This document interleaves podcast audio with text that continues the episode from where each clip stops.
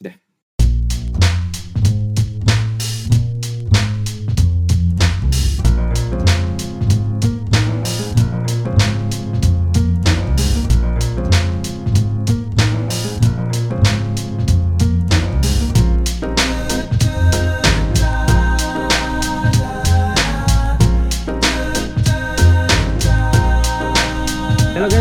Welcome to Lambe Racing. Sekarang udah di episode ke-70 lebih tepatnya. Udah setelah kemarin di angka yang lumayan spesial, angka cantik 69. Sekarang kita masuk ke episode 70.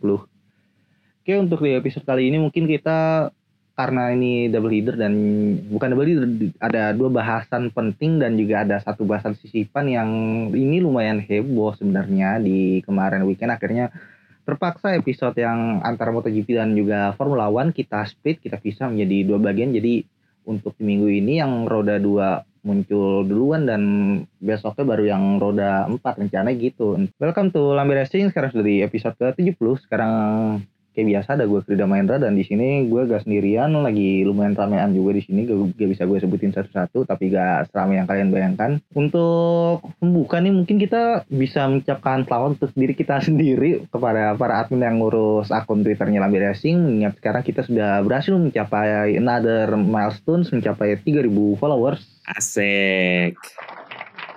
Gacor. Asoy, asoy, asoy.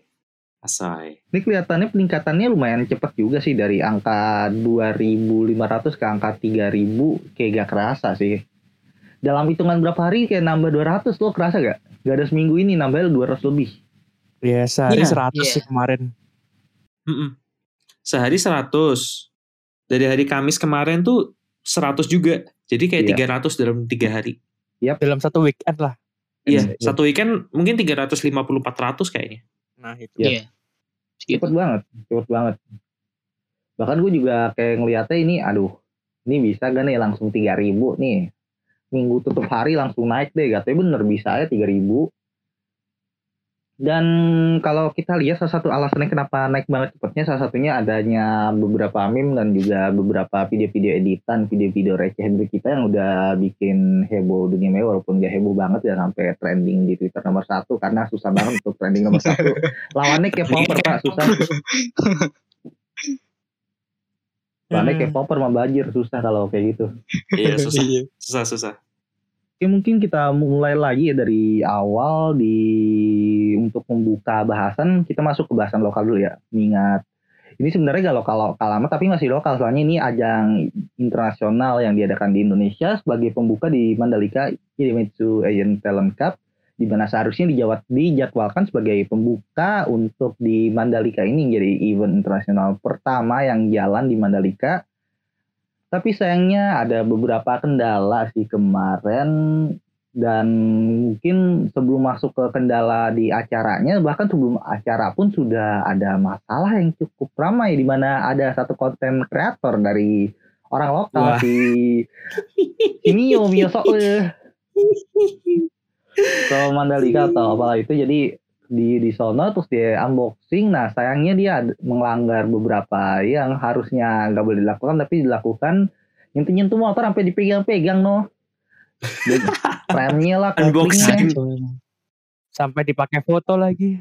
iya buat dipakai foto terus dia bikin video katanya video reviewnya di video selanjutnya review motornya wow luar biasa Gak habis pikir. hmm, Utaknya itu loh. iya I mean kayak mau bikin konten tuh apa segitunya gitu. Ngerti gak Iya. sih? Ah, ya konten Emang susah youtuber dadakan. tapi gimana gue gue bingung juga soalnya ya di satu sisi mungkin ya kita harap agak bisa sedikit mewajarkan walaupun itu sayang banget soalnya ya gak usah senoraknya gitu juga sih sebagai warga lokal sampai di gitu gituin sampai di mas ini dikontenin. Oke lah kalau dikonten di foto oke gak apa-apa. Tapi atas persetujuan nih gak ada persetujuan. Lo megang-megang. Lo nyentuh-nyentuh juga sampai dipegang-pegang no sampai rem-remnya kopling-koplingnya dimainin juga. Kelihatannya itu terus bikin review motornya juga. Wah lo kira dikira Aduh. siapa dia sampai bikin review juga. Berasa di dealer motor. iya. Makanya. Bang nih bang test drive bang kebetulan ada Gias juga. Jadi kayak seakan-akan Gias cabang Mandalika gitu ya. Cuma motornya WSBK. iya Iya langsung motor balap langsung tapi berhubung itu udah lumayan cepet naiknya bahkan sebelum kabar itu naik kabarnya sebelum rame itu dia dipecat si orang chat-chat itu udah dipecat sama panitia eh cuman sayangnya yang bikin jadi heboh ini karena ada video yang dari orang cukainya ya dari cukainya kan nggak tahu nih. Ini sebenarnya cukainya ini kayak atas persetujuan apa gimana walaupun mungkin bagian megang-megangnya ya aku nggak tahu juga sih di selama di belakang kamera mereka ngapain aja sama motornya cuman yang sempet rame yang bagian videonya bea cukai sih. Yang bapak-bapak pakai seragam tuh kan orang bea cukai nah dari situ yang bikin salah persepsi dari awalnya dari media luar yang bilang pegang-pegang terus ada yang dipecat. Jadi kabar yang dipecat bener yang dipecat dikeluarkan itu yang konten kreator ini cuman yang dijadiin thumbnail ini kan yang bapak-bapak ya yang orang bea cukai jadi menjadi misinformasi juga dan gimana ya? Gue gue bingung juga sih kalau kayak gini tapi at least sudah menemuin jalur jalur tengah titik tengahnya dari permasalahan yang sebenarnya terjadi di situ udah ngerti juga sih masalahnya. Tapi permasalahannya yang dari media luar ini sampai bikin rame karena kesalahan kayak gitu terus juga ada berita gak jelas juga yang bilang dari orang Ducatinya juga bilang kalau dia ini pertama kali gue lihat kayak gini kejadian di negara ketiga dunia. Dan itu terjadi, terjadi pas bulan lalu soalnya saking rendahnya Indonesia dan Ducati pun akhirnya bikin klarifikasi kalau itu gak bener. Terlalu aneh juga sih kalau di Mandalika sampai kayak gitu masa ini ayo lah nih event pertama gue ngertiin event internasional pertama balapan yang I mean event besar gitu karena udah berpuluh-puluh tahun rasanya nggak Nah, ada. Iya. Di- Tapi jangan segitu juga sih. Hmm, kacau sih itu. Oke, lalu setelah masalah unboxing udah mungkin udah agak kelar. Habis itu masuk ke Ibe- Idemitsu Asian Talent Cup. Di mana kali ini sayangnya yang harusnya dijadwalkan tapi nggak bisa. Saat-saat yang jadwal ber- berjalan, jadwal muter-muter di track cuman ajangnya baru jadwalnya Pak di yang akhirnya kita bikin meme. Dan sayangnya di Idemitsu Asian Talent Cup untuk di hari pertama pun sebenarnya ada kendala di broadcasting dan di hari selanjutnya malah di cancel atau di cancel gara-gara Martialnya ternyata kurang. Dari beberapa alasan receh yang bisa memba- bisa membatalkan balapan entah itu ada rider yang kecelakaan lah ada yang mati lah atau mungkin ada kejadian yang tidak mengenakan seperti gedungnya ambruk lah atau mungkin cuaca buruk ini dari sekian hal receh nih gara-gara Martialnya kurang.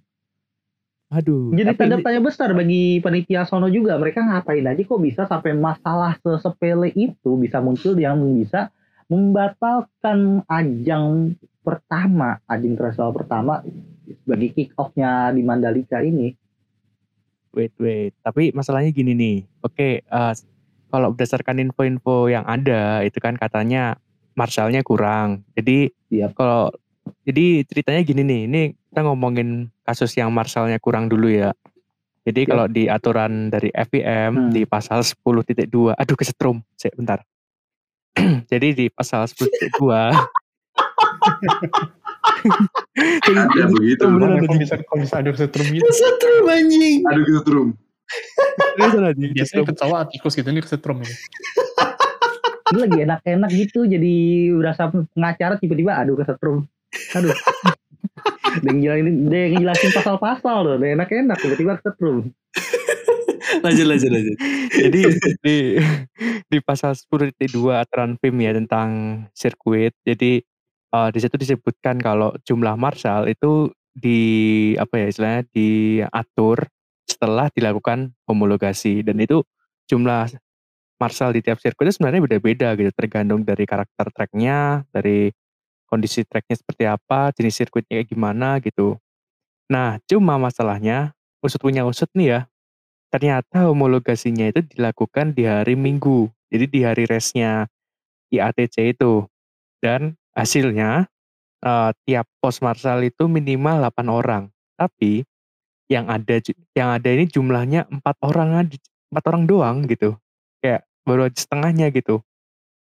Nah, tapi baru-baru ini nih ada info lagi katanya kayak dari orang Mandalika sana MGPA itu dia ngeles kalau sebenarnya di cancelnya itu bukan karena jumlah marsalnya yang kurang, tapi ada kendala teknis yaitu eh, HT-nya tiba-tiba mati, kehabisan baterai, lain-lain yang itu bikin Bisa batal. gitu. Ya alasan, ya aku sebenarnya nggak yakin sih itu alasannya. Aku Nah. lebih, lebih percaya Aneh, kalau aneh. marsalnya kurang sih daripada percaya kalau radionya yang bermasalah. Ah. Oke. Tapi, Tapi- gila kalau masalah-masalah tapi- itu berarti panitianya nih aduh gak habis pikir Nah gimana. itu Iya, iya. MGPA-nya. Cuma Nggak habis gini-gini, pikir. cuma Gimana? gini. Udah tahu nih ya ribut-ribut dari kemarin, masalahnya dari MGPA sendiri belum ada rilis resmi. Itu yang mas- jadi masalah. Iya juga, iya. Coba iya, coba iya. lu lihat ya kan? Ah, iya belum ada bener, kan? adanya dari Nah. Iya ada dari IATC-nya doang sama Dorna ya. Nah, terus sama dari istilahnya orang-orang MGPA yang dia tuh rilis sendiri di akun pribadinya masing-masing gitu, entah di YouTube. iya, atau iya. di Iya. Sebagai konten kreator. Nah, lucunya di situ. Kan Ini logikanya gitu. Logikanya kalau lu ada masalah, lu press conference di akun resminya gitu kan. Iya, Betul, betul. betul. Ini bahkan sampai detik ini kita rekaman belum ada loh. Malah yang ada tuh kayak makin liar Iya, gitu. Makin liar gitu alasannya. Iya kan? Belum lagi ditambah gosip-gosip yang katanya Marsalnya nggak dikasih konsum lah. Aduh, Bahkan iya. Iya harus, kemarin nah logikanya Nah, harusnya rame sih. harusnya klarifikasi kan press conference ini Hmm. kayak ada yang ditutupin Iya. gitu kayak wah Nah. ini nih hmm. Berarti nggak nggak bener ya dari pihak Mandalika saking malu sampai gak bikin klarifikasi. Mungkin, who knows Iya. mungkin ya mungkin gitu. Iya, kan kayak gitu ya. Dia maksudnya kayak akun akun resminya kan kayak nggak ada berita gitu ya. Tapi nih orang-orang di dalam orang-orang di dalam ini jadi kayak apa ya? Mereka kayak budak konten gitu loh, ngerti gak sih? Jadi kayak mereka Nah, berdasarkan orang dalam, mereka jadi pengen gini, ini loh keadaan sebenarnya gitu. Dia ngomong sendiri di akun-akun pribadi, lo ngerasa nggak? Yap. nah Ah, itu ah. itu yang Ya kayak gitu. Tapi tapi kalau sampai segitunya ngerasa ada yang nggak bener bla bla bla bla sampai jadi konten kreator dadakan mengorbankan jiwa profesionalitas mereka kan aneh juga lo bikin konten kreator Iya no yang kan? official lo Iya, urusin aneh pertama banget.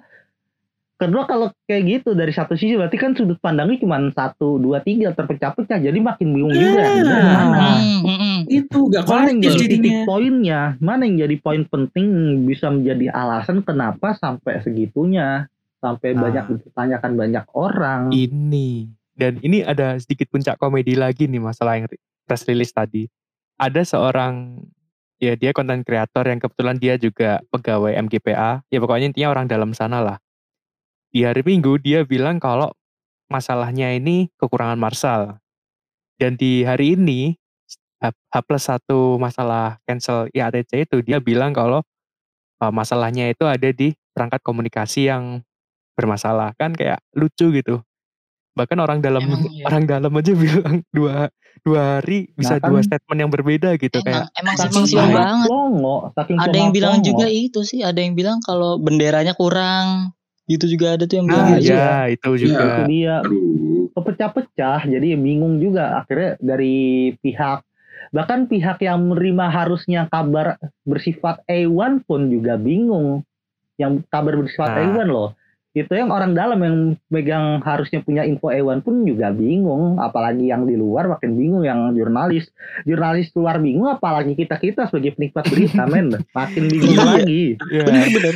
terus Iya. terus gini nih barusan kan aku cek twitternya Wak Haji Taufik TMC Blog katanya dia habis teleponan sama orang da- orang MGPA sana jadi istilahnya info A1 lah nah itu juga katanya dia mendapatkan ada jawaban gitu dan itu beda dengan yang selama ini diberitakan gitu lu coba deh lihat Lah, tweetnya nah itu Beda kan kayak lagi dong.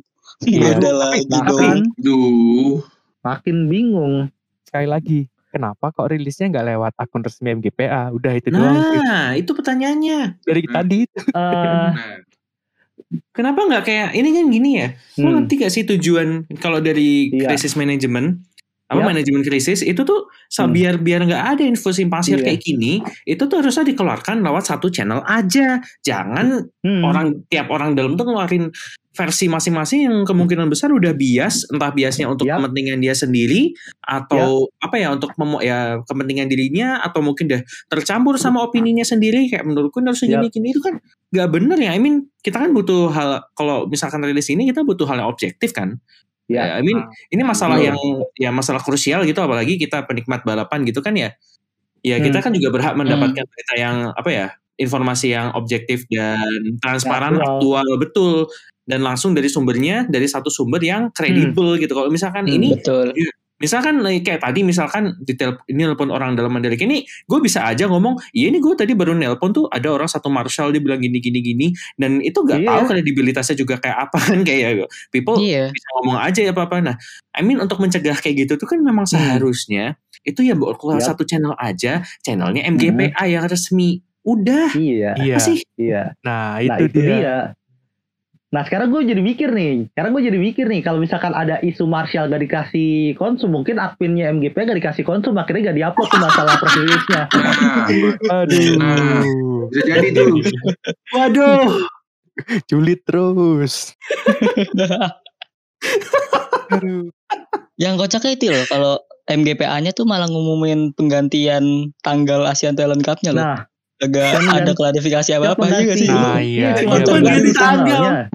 Nah ganti tanggalnya kenapa ganti tanggal? Mereka gak ngejelasin, berarti ada yang ada dong. Iya, iya. Berarti ada yang ditutupin nih. Udah kayak itu tuh. iya. Akun officialnya PSS kemarin tuh. wah dibawa-bawa dong. Iya. Persis gitu. Persis gitu. Aduh, aduh. Ya bisa jadi. Ya barangkali aja kalau kayak gitu sampai berita gak jelas bisa muncul campur-campur ya kan kita juga juga bisa kan karena kayak gitu kita juga bisa bikin berita hoax ya. Barangkali gitu misalkan kita kepikiran kan ada banyak berita aneh-aneh ya udah kita bikin aja nih.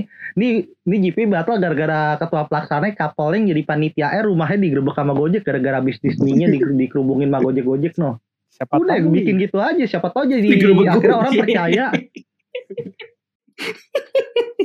Eh jangan dong disensor dong. Ntar di cancel sama ojol nangis loh. Ya, ya ojolnya gak bakal cancel. Orang mereka juga gak terima sama pihak restorannya dikerjain mulu. Nyimak deh, nyimak, nyimak. Kalau Iya itu. gimana ya? Gue Nyimak juga, kayak- gue juga pernah ngalamin hal-hal kayak gitu kalau mesen di itu tempat. Soalnya kan tempat itu kan juga buka cabang juga di deket kosan gue pas masih kuliah offline dulu. Jadi gue juga ngerti apa yang dirasain sama driver-driver ojol-ojol itu gimana rasanya kalau dikerjain. Lagi pula kan juga emang kasusnya gak beda jauh dari kesalahannya ada di manajemennya juga no yang bikin Iya. aplikasi gak jelas, bikin diskon Tapi gak jelas. tapi nih FYI aja. Itu. FYI aja.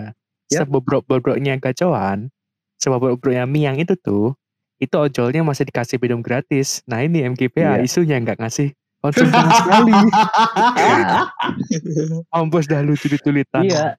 Eh tapi gini, Maaf. tapi gini, tapi kalau ojolnya nggak bisa bikin nggak bisa bikin konten, tapi kalau yang di MGP bisa bikin konten. AdSense. Aduh ya gimana ya kayak gini semoga gak akan terjadi lagi nih anggapnya ibaratkan kesalahan pertama ya udahlah belajar dari kesalahan jangan sampai kulang lagi. Kalau kulang lagi masa ini bawa nama bangsa lo malu-maluin loh. Gue tahu seberapa Iya. ribet rasanya jadi panitia apalagi jalanin event besar internasional. Tapi ini skalanya belum besar loh, masih kick off-nya aja masih sekelas ajang junior udah kayak gini. Gimana nanti minggu depan nanti hari Minggu USBK ada jalan. Tuh kayak gimana no? Final lagi, final WSBK Nah. lagi. Aduh, season Jadi- finale. Iya sih, Iya, kan, pas jadi finale bedanya- penentuan masih lagi panas-panasnya dua antara Syria dan juga Toprak. Ini masih ibaratnya kayak Max Verstappen dan juga Lewis Hamilton gak beda jauh pertarungan di Superbike kali ini yang sangat panas tapi semisal gara-gara kejadian receh kayak kemarin kalau terulang lagi kan gak enak juga sih malu-maluin loh Puncak komedi tingkat internasional sih ini. Sekarang leadernya Iya. siapa nih? Lead- Leadernya USBK yang sekarang? Ira masih ya? Toprak Toprak, Masih toprak. Toprak. Bayangin Toprak juara dunia alasannya gara-gara di cancel. di cancel balapannya. Puncak komedi. Puncak komedi internasional. Definisi sih. iya Malu. Itu malu banget sih. Harga diri taruh mana? Udah, harga udah. diri. Malu. Semalu-malunya ya. Semalu-malunya. pokoknya lo udah. itu itu Ah, itu hancur sih hancur hancur Hmm. Muka taruh mana tuh kalau ketemu sama orang-orang luar negeri itu. Hey, you from Indonesia. Ah, that Ah, Mandalika ya, Mandalika. Iya. Aduh. Bayangin Indo jadi viral di dunia gara-gara Mandalika doang. Waduh, Jadi meme. dia tuh. Jadi meme dunia, aduh. Jadi jadi meme yang kemarin dong. Lihat Mandalika Mandalika viral senyum ternyata vi- viralnya gara-gara puncak komedi. Ah, iya, iya. Iya. Ya viral. Aduh, aduh. Maksudnya Banyak Aduh. banget yang aneh sampai pohon ditebangin juga. Sampai Oh, Jokowi iya. Iya, atas pohon ditebangin juga gara-gara dijadiin tempat buat nobar. Padahal udah digratisin loh. Padahal udah digratisin buat nonton. Masih ada yang nobar di luar terus tebangin. Ya download Pohon-pohonnya. dari tembok juga banyak BTW. Iya. Aduh. Tapi aneh, aneh nonton Iya, tuh kayak rumahnya mau gitu. dipindahin gitu habis itu. Digotong rumah ya. Dipindah tuh kayak The Sims anjir. Goblok, Kayak The Sims. Kayak The Sims. Move house, Cok. Move house, Cok. Kayak The Iya, Sims. sampai manjat-manjat pohon ya wajar terjadi maksudnya kan situasinya kota Mandalika kayak gimana terus juga perekonomian ya masyarakat Indonesia penikmat di Indonesia kayak gimana yang hal-hal merakyat kayak gitu sering ditemukan sih kalau di negara-negara yang sejenis juga. Yalah. ya di Amerika Selatan pun mungkin juga bisa. Bahkan kalau masalah yang bisa kayak gini yang bisa nonton langsung di tempat tinggi di Imola juga ada loh BTW yang di rumah itu. Nah itu kan maksudnya Iya. masih oke lah masih mending. Di Mandalika pun juga ada bukit kan ada bukit-bukit. Iya. Cuma ini manjat pohon anjir ya Ini Kayak apa ya? pohon. kayak aduh Pohonnya tandus lagi pohon nggak ada daun. nah Iya. Baru Kayak- itu kayak kayak, pohon baru. kayak lucu aja gitu aduh jangan sampai deh besok WSBK ada orang jual cilok di pedok Nah, Eh, tapi kan pedok kan buka event usaha, no. Barangkali di pedok ada yang jual cilok. Ya maksudnya jangan sampai masuk ke pedok lah lu bayangin lah Jonathan Rea lagi Ah. duduk-duduk di samping motor lagi nyeting motor ditawarin cilok Cilok lah. cilok mister Cilok Ten gak tuh? ten thousand mister cilok mister ten thousand ten thousand dicobain Cilok. sakit perut habis itu. Nah, itu Iya. toprak tahu-tahu ada Babarafi kan ini makanan makan lokal jadi. Bukan, iya, iya, eh, iya. bukan anjir. Itu toprak lagi benerin motor, tato dijajarin. Toprak mister. Ketoprak mister. akan diri sendiri ya. Iya toprak ditawarin ketoprak anjir. Your name sir, your name. oh, Itu mah Kimi no Nawa anjing. Iya sih. 2000, 2000, 2000. Eh ini BTW sekedar informasi pembalap-pembalap dan tim-tim dari Superbike sudah mulai Udah berdatangan. Eh, tadi gua pantau Kawasaki baru nyampe Soekarno Hatta, terus Michael van der Mark Hmm. juga udah mulai karantina Udah. di hotel dan hmm, tampaknya menikmati makanan-makanan yang ada di sana karena dia punya keturunan Iya, kan. Vandermark keturunan Tapi Ambon makanan-makanannya juga ada ada juga kelihatannya mereka beradaptasi dengan makanan-makanan yang ada nasi es sih. ya Vandermark emang keturunan Ambon sih Gue mau Aja. tanya, itu eh, mereka karantina ini di Lombok apa di Bali? Ada yang di Lombok, Wisma Atlet kagak kagak di Lombok. Eh, Soalnya di si Odendal udah di Lombok, terus ada juga yang di Jakarta si Reading, Scott Reading Jakarta loh. Lo lihat Oh. SG dia, dia langsung ngupload event masjid anjir. Kayak musola depan hotel. Ngupload Oh. Reading di Jakarta. Iya, Reading udah. Dari di Bali ya surprisingly. Atau mungkin ada tapi kayak kita nggak tahu aja kali ya. Ya mungkin bisa Ya jadi. mungkin kalau karena di Jakarta mungkin lebih enak itu secara fasilitas segala macam kalau buat Iya yang sih. dipakai untuk karantina.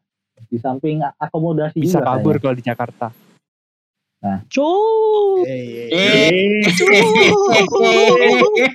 bayangin jangan respon dari kita gara-gara nemenin hasil V-nya lu.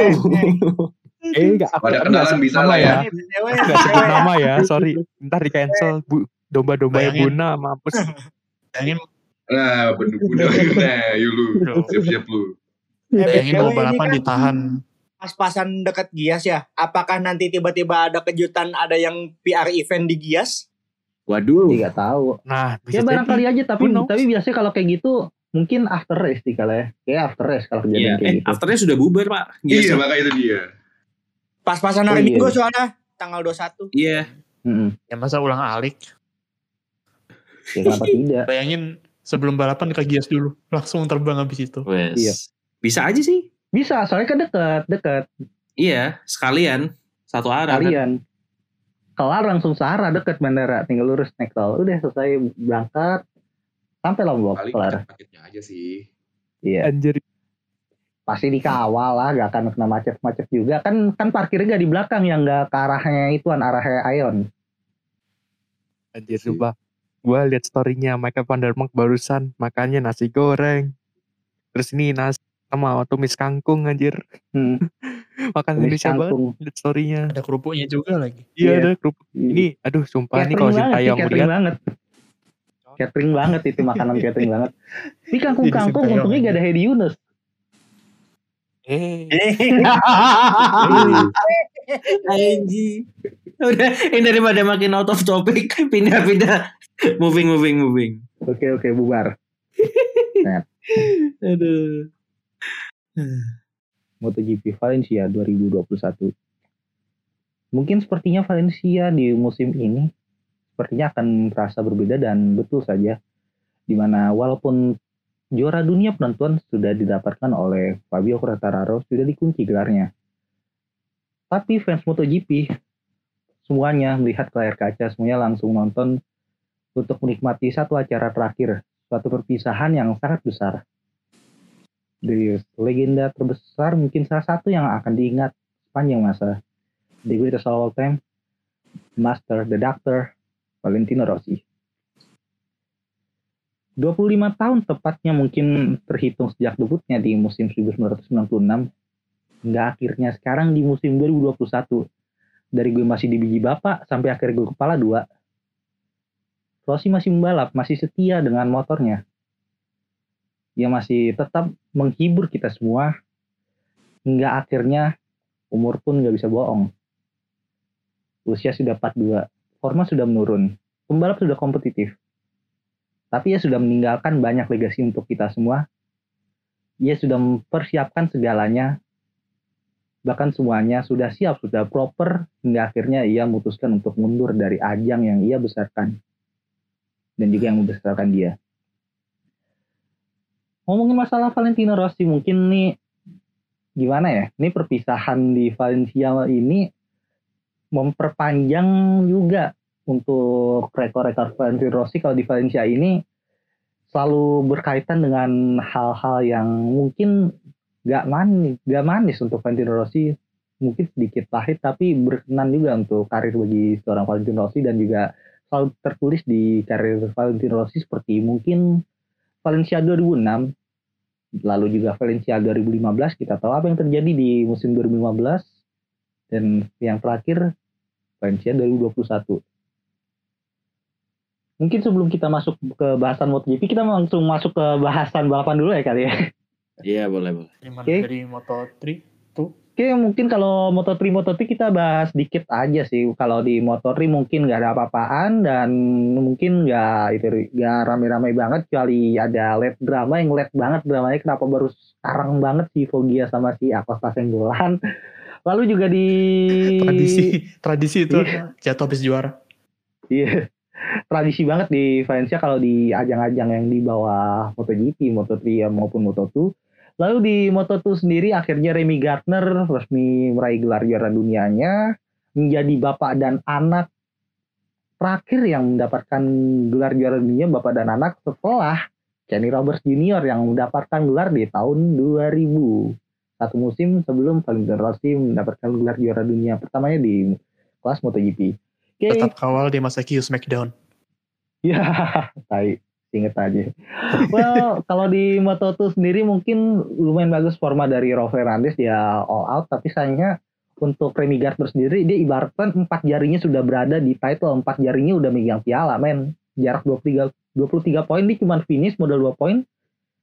Dia menang dan akhirnya dia bisa meraih gelar dengan jarak yang udah kelihatan banget safe dari awal gak ngepus-ngepus banget yang penting finish di sekitaran 10 besar dan akhirnya terbukti udah cukup title dikunci sama Remy Gardner untuk Moto2 dan selamat menikmati berjalan karirnya di musim depan untuk di kelas MotoGP sendiri kalau dilihat dari kualifikasi bahkan Ducati ini lumayan oke juga langsung tiga-tiganya lock di front row. Ada Jorge Martinez, Peko Bagnaia, dan juga Jack Miller.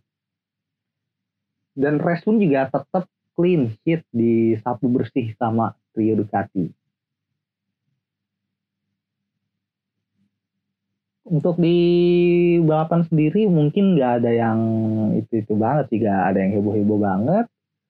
Eh sayangnya di balapan ini sebenarnya agak aneh sih selama berjalannya balapan mungkin tipikal balapan kalau udah akhir musim nggak ada yang intens banget tapi masih ada tradisi yang masih berjalan seperti misalkan Alex Rins yang menjadi diri sendiri selalu crash gue gak ngerti sama dia di crash mulu lalu juga ada Takaki Nakagami dia dia kenapa crash dan ini gue gak tahu dia berapa kalinya Takaki Nakagami dia crash di belokan kiri selalu di belokan kiri dia crash Semua tradisi semua itu.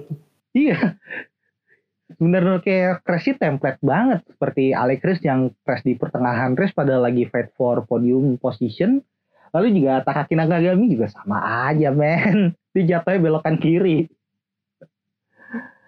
Gue gak habis pikir sama dua orang ini dia kenapa mungkin misal kayak kayak Sunday Drive, Sunday Rider lah apalah kalau misalkan finish top 10 mulu atau San Mori oke lah. Tapi ini crash mulu. Nah crashnya juga bertemplate. Gue bingungnya gak tau kenapa. Soalnya ya, ini Rins nih kesambet Yanon jadinya. Entah kenapa, padahal tahun lalu oke gitu. Ah. Sekarang jadi mirip banget sama Eh, Yanon.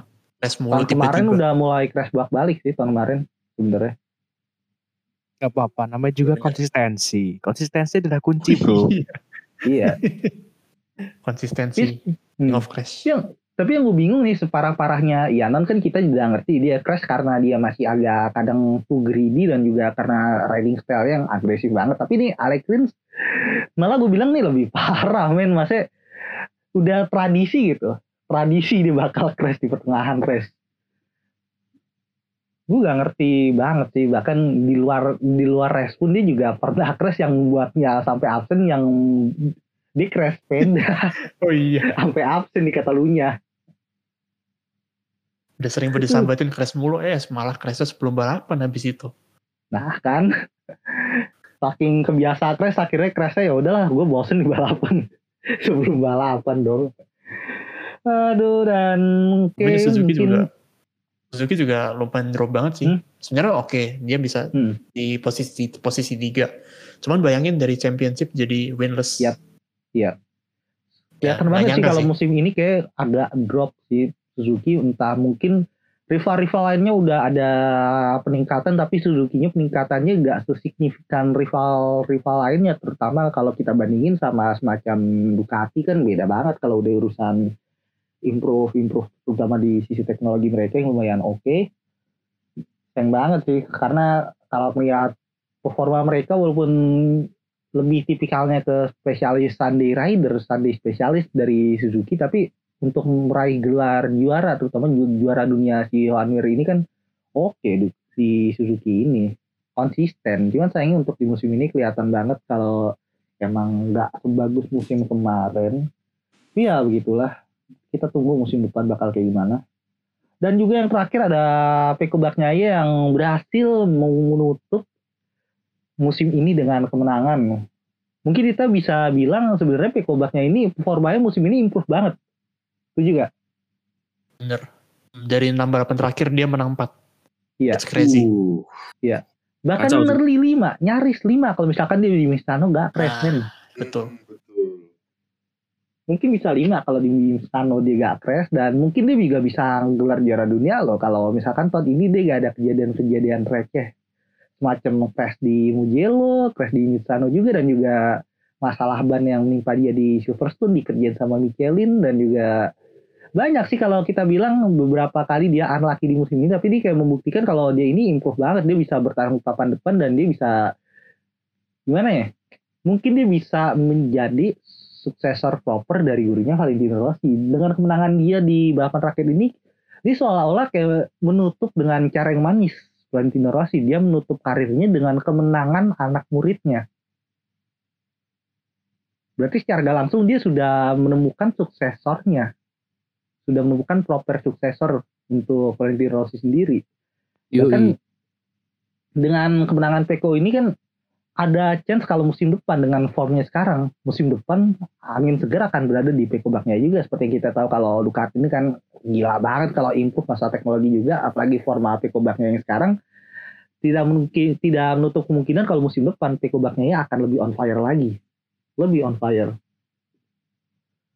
Sure, bisa jadi sih. Setelah masalah Peko Bagnaia ini sebenarnya kita kita itu lagi sih kita klik lagi Peko Bagnaia menutup kemenangan ini.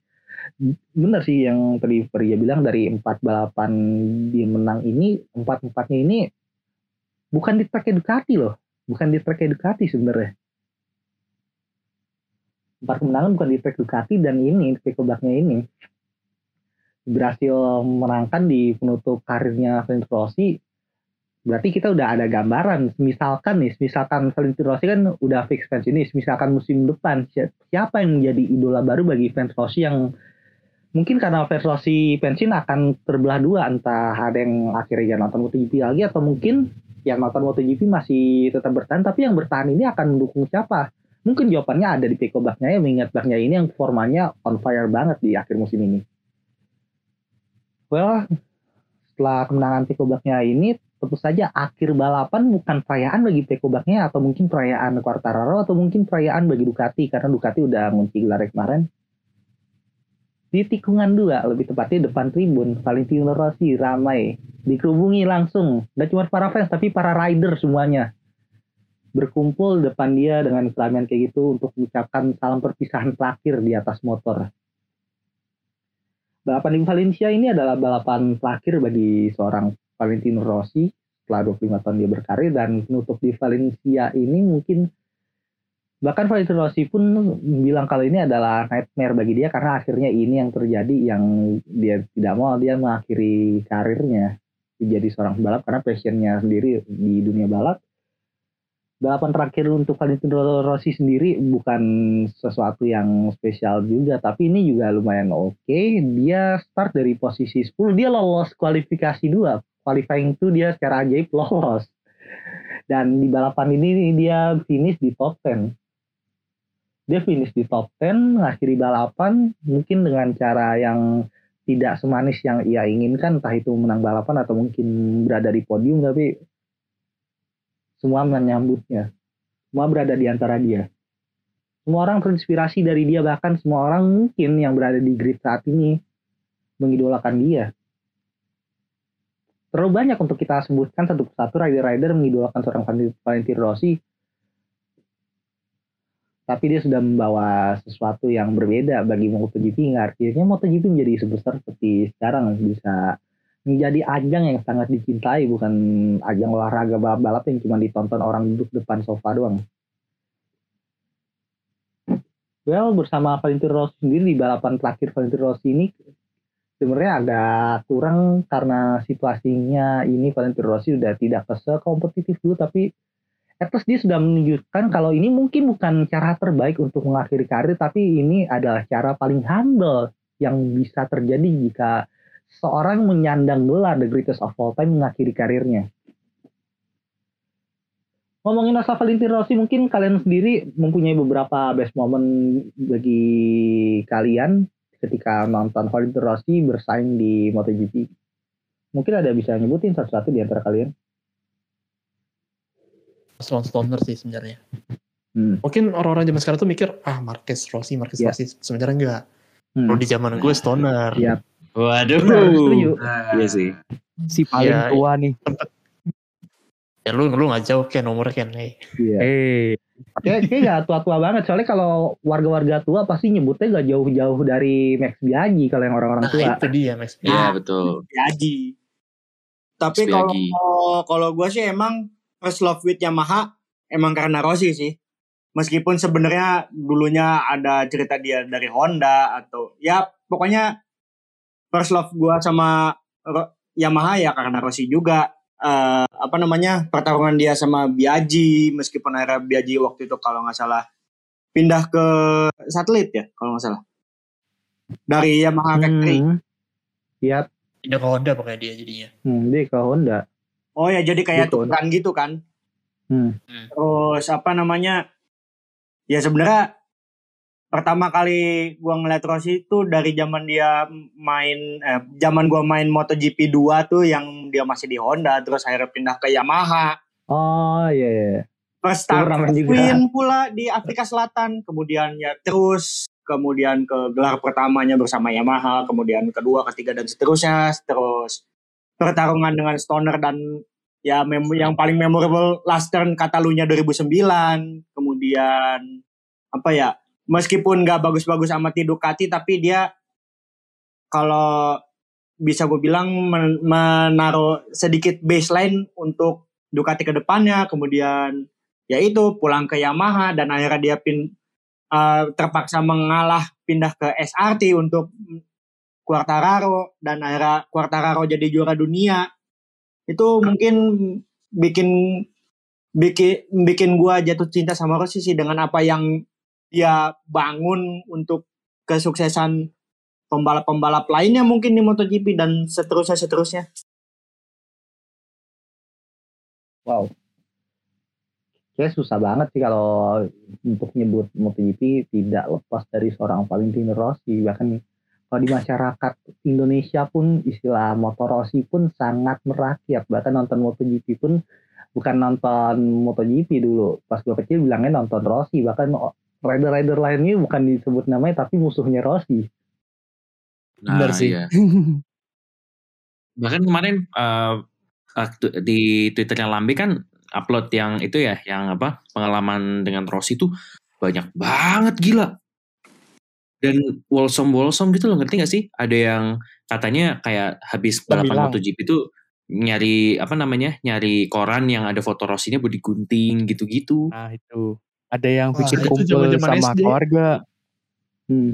Sama iya, zaman SD kalau ke apa namanya tugas bahasa Indonesia, geografi atau apalah, pasti bisa jadi objek. Iya. Wah itu. Bahkan gue dulu pernah. Hmm? Iya, bikin clipping. Objeknya Rossi. Ya ada yang katanya bisa mau menyatukan satu keluarga gitu katanya kalau udah Rossi main semua diem di depan TV iya. gitu kan aduh. Iya benar benar yeah, sih kalau itu. Benar benar. Malah kalau acara MotoGP bahkan kalau lo semua punya TV di tengah TV keluarga mungkin kalau hari Minggu jam 7 malam mungkin gak jauh-jauh dari nonton 7 nonton Valentino Rossi sedang berlaga. Nggak jauh-jauh dari itu. Kalau Rossi crash udah TV dimatiin. Biasa gitu biasanya gitu. Iya benar bubar bubar bubar. Rossinya jatuh bubar. Udah malas nah, udah malas gue masa dulu gitu juga gue jujur aja. Dia malas kalau jangan zaman gue masih TK sih SD gue nonton MotoGP. Kalau Rossi udah crash ah tai lah udah keras gue matiin TV langsung gue ganti channel. Iya apa ganti MU ya kalau MU main ya. Iya. Kalau MU main. Kalau lagi kalau lagi gak main ya udah. Cari yang lain-lain entah itu nonton sinetron gabut TV-nya direbut sama nenek gue mungkin dulu atau mungkin ya mungkin ada acara-acara agak jelas gitu semacam sekiranya kayak di Trans TV mungkin kalau dulu sempat ada extravaganza mungkin. Iya betul Oh, kalau iya, di iya. itu Global TV juga ada beberapa acara-acara receh juga kalau dulu sempat yeah. Abdel Temon juga habis itu jadi acara film-film juga. Iya. Terus salah satu legasinya itu coba hmm? kalau misalkan coba deh di rumah kalian gitu pasti adalah satu barang yeah. gitu yang ada hubungannya sama Rossi. Yep. Entah ditempelin stikernya Rossi, pasti. entah pokoknya pasti ada aja yang Banyak. ada stiker 46 The Doctor gitu. Banyak banget. Bahkan gue pas SMA kelas 10 pun gue pakai hoodie kebangsaan gitu Rossi men. Uh kan tuh. Pasti ada. Gue dua sama teman sebangku gue tuh deh ibaratnya abang ade gara-gara tiap hari pakai hoodie Rossi. Tuh. Soalnya bang Rossi Fumi berat deh dari di antara di antara satu angkatan mungkin paling fans berat motorsport gue tapi kalau dia bahas Rossi gue berdua itu sama chairmate gue pas kelas 10 tiap hari hmm. bahasnya Rossi, tiap hari bahasnya Rossi, bahkan lagi pelajaran depannya guru, udah taruh taruh tas, hap kan itu temen gue nawarin mau ngabisin kuota gak, gue tanggung tiga dua hari masih bisa 20 GB, ya udah lo tahu apa yang gue tonton, MotoGP nontonnya Rossi, Donington Park 2000, Tuh, undangan Rossi pertama yang Rossi. nonton. Gila sih. Apa lagi jam Gila. pelajaran loh, lagi jam pelajaran. Ya itulah betapa ikoniknya seorang Rossi. Hmm. Oke lah mungkin uh, Giacomo Agostini boleh lah jadi juara dunia yeah. MotoGP yang paling banyak. Oke lah John Surtees mungkin boleh lah juara MotoGP sama juara F1.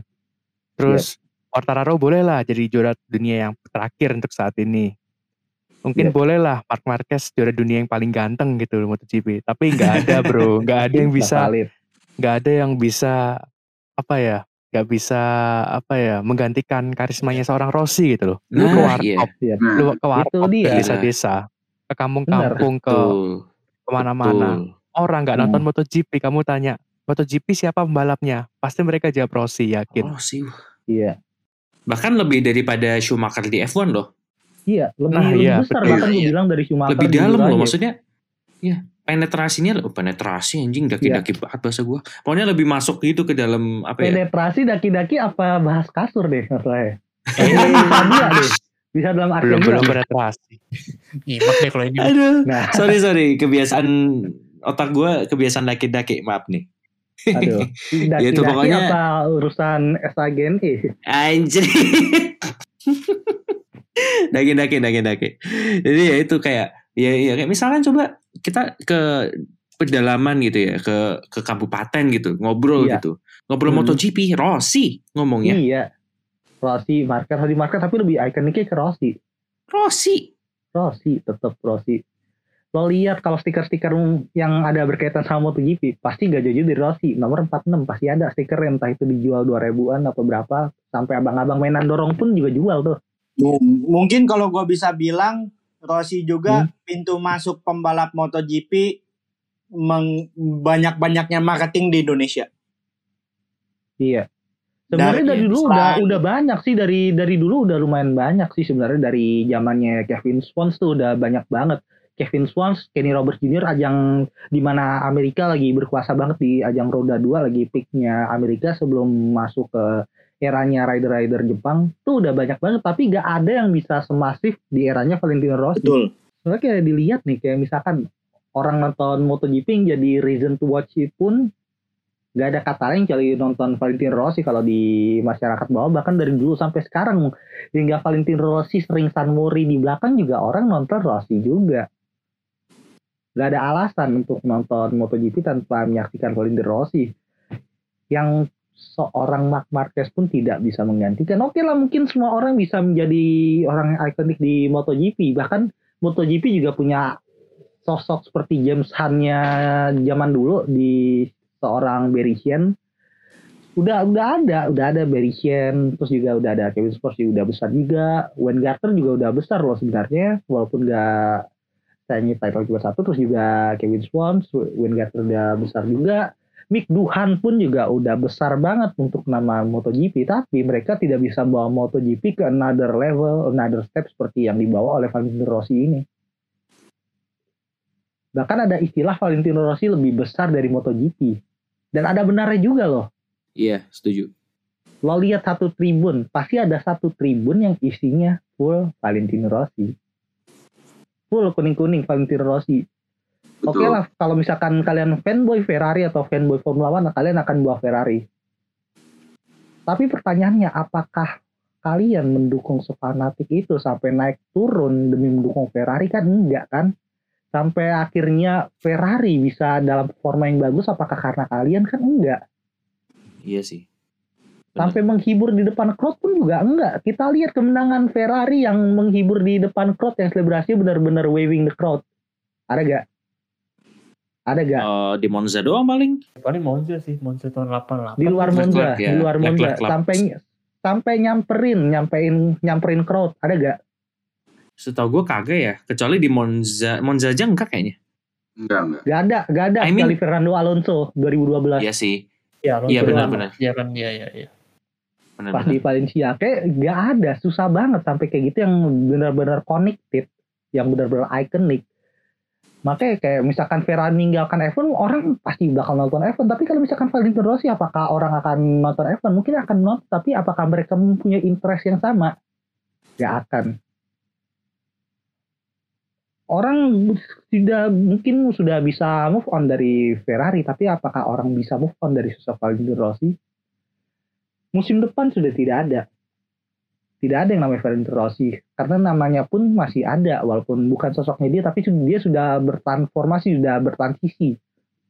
Dari dia karirnya mulai bertransisi menjadi tetap pembalap tapi sudah tidak di ajang roda 2 dia akan berfokus ke roda 4 lalu juga untuk Valentino Rossi namanya masih tetap ada. Karena dia untuk musim depan dia sudah membuka timnya udah full di timnya dia take over Avintia di mana berlaga di musim 2022 nanti VR46 dan juga ada adanya juga Luka Marini tapi apakah bisa tetap menggantikan sosok Valentino Rossi kan enggak sekarang jadi pertanyaan apakah Valentino Rossi ini benar-benar gambaran the greatest of all time yang sangat proper mengingat sosoknya yang sangat Yeah. besar sangat dicintai juga oleh para fans Kalau gue lihat iya sih kayaknya. Ini penggambaran the real goat as in the real goat gitu. hmm. Kayak tergambar sempurna gitu kayak kita nih Iya. melihat gitu. We are witnessing. Kalau orang-orang pada Hmm. bilang Valentino Rossi itu demigod gitu. Yap. Demigod gitu. Ya benar melebihi balapan melebihi ajang balapannya sendiri gitu. Kayak Valentino Rossi is MotoGP gitu. Dan bahkan MotoGP itu bukan Valentino Rossi ngerti gak sih kayak ya itulah. Ya gitu maksud gue. the entire show is Valentino Rossi Mm-mm. Betul. Gila sih. Sih nggak bohong kalau kemarin gue gak nangis nontonnya Aduh, gue juga nangis anjir. Gue tuh pas gue tuh nangisnya pas pas warm up lap sama ya itu pas finish sih, setelah finish itu. Sambil gitu. gue gue kayak shit kenapa gue bisa kayak gini men gue gue, gue kenapa bisa kayak gini gue cuma nonton jagoan gue terakhir kali balap dari dia ritual di motor yang dia ngomong sama motor dia nangis itu asli Iya. Aduh. Aduh, gak kuat dah, gak kuat udah. Terlalu Wajib sedih. Kalau nginget admin itu ya. jadi sedih anjir. sih. iya Ya, aduh kacau. Mungkin kita nggak kenal sama Rossi secara personal ya. Kita nggak tahu Iya. dia makanan favoritnya apa, Yap. terus kebiasaannya apa. Kalau makan bubur diaduk atau enggak kita nggak tahu. Tapi Iya. dia pergi dari MotoGP itu lebih bikin kita nangis daripada pergi mantan kita pergi ninggalin kita. Serius, gue nggak Iya. bohong. iya gue juga ngerasanya sama mana ya Aduh. berat tuh diteruskan Berat, berat. Udah deh. Buar. Udah satu jam juga. Oke, udah gitu aja. Iya. Mungkin Nggak Valentino Rossi tidak ada tidak akan ada lagi di MotoGP untuk musim depan walaupun namanya masih ada, tapi dia masih tetap setia bersama MotoGP karena dia sekarang udah punya tim. Dan yang ditinggalkan di MotoGP, dia sudah mempunyai legasi sendiri, tapi dia tidak hanya meninggalkan legasi, dia juga meninggalkan suksesornya. Dia sudah membesarkan motorsport di Italia, membesarkan roda dua di Italia, dan juga dia sudah memberikan yang terbaik dari dia mendidik para rider-rider muda. Hingga akhirnya sekarang sudah muncul beberapa suksesornya. Seperti ada Eni Abasian ini yang sekarang sudah lumayan oke nih. Dengan motor walaupun motor bekasan dia udah nyumbang podium kece banget lalu ada Franco Morbidelli mungkin dia untuk di musim ini formanya kurang baik mengingat cedera yang menimpanya tapi kita juga gak bisa melupakan seorang Franco Morbidelli dia seorang pemenang juga dan dia pernah juara dunia di Moto2 juga loh. Dia bahkan di McVidia DS dia carry tim. Bahkan Iya. untuk di musim ini mungkin Franco Morbidelli gue bisa bilang dia salah satu rider paling underrated di MotoGP saat ini. Dan tentu saja kita tidak bisa melupakan sosok Peko Bagnaia yang sekarang lagi on fire banget. Bahkan Peko Bagnaia mungkin bisa dibilang sebagai a proper suksesor bagi seorang Valentino Rossi di mana sangat kompetitif, benar-benar bisa nge-carry pabrikan, formanya juga on fire. Tinggal tunggu saja apa yang bisa dihasilkan oleh seorang Peko Bagnaia, apakah dia bisa mengikuti jejak gurunya menjadi seorang connected dengan fans, atau mungkin dia memilih jalur yang lain dengan hanya sebagai rider kompetitif yang menangkan balapan doang. Urusan greatest of all time, semuanya mungkin punya. Masing-masing cabang olahraga mungkin punya seperti dari kriket pun ada si orang India gue lupa siapa namanya. Untuk di Amerika banyak banget bahkan mungkin per ajang banyak banget untuk yang bisa disebut greatest of all time yang sangat ikonik seperti contohnya di baseball ada Babe Ruth di American football banyak tapi yang terakhir menjadi greatest of all time yang certified sekarang ada si Tom Brady lalu di ajang pro wrestling pun banyak banget seperti ada Steve Austin, Shawn Michaels, John Cena dan juga The Rock Lalu kalau di ajang NASCAR seperti The Hart atau mungkin yang masih hidup ada juga Jeff Garden dan juga Richard Petty pun juga bisa dibilang sebagai greatest of all time di NASCAR. Lalu juga di Beberapa Basket, ajang basket. lainnya lah mungkin bisa banget Michael Jordan. Basket. di Michael Jordan. di basket Michael Jordan dan juga Kobe Bryant. Iya, Kobe. Kobe Bryant masuk di tenis ada Mamba ada forever. Rafael Nadal dan juga ada Roger Federer. Formula One juga ada seperti sosok Ayrton Senna, Michael Schumacher, dan mungkin yang kita akan kita tunggu Lewis Hamilton jika ya sudah Iya. pensiun nanti. Iya. Tapi jika kita lihat dari semuanya, semua greatest of all time yang sudah disebutkan atau mungkin ada di dunia olahraga, apakah ada yang bisa meninggalkan legasi jauh lebih besar dari Valentino Rossi? Mungkin mereka mereka semua ada, satu dua ada, tapi itu semua hanya angka, bukan memori, bukan ingatan, bukan kenangan dari para fans. Greatest of all time. Salut Doctor, salut Master, salut Doctor, salut Valentino Rossi. Terima kasih sudah menghibur kita semua selama 25 tahun. Enjoy your last ride. Nikmati masa pensiun. Dan selamat menjadi ayah. Nikmati hidup barumu. Enjoy kehidupanmu.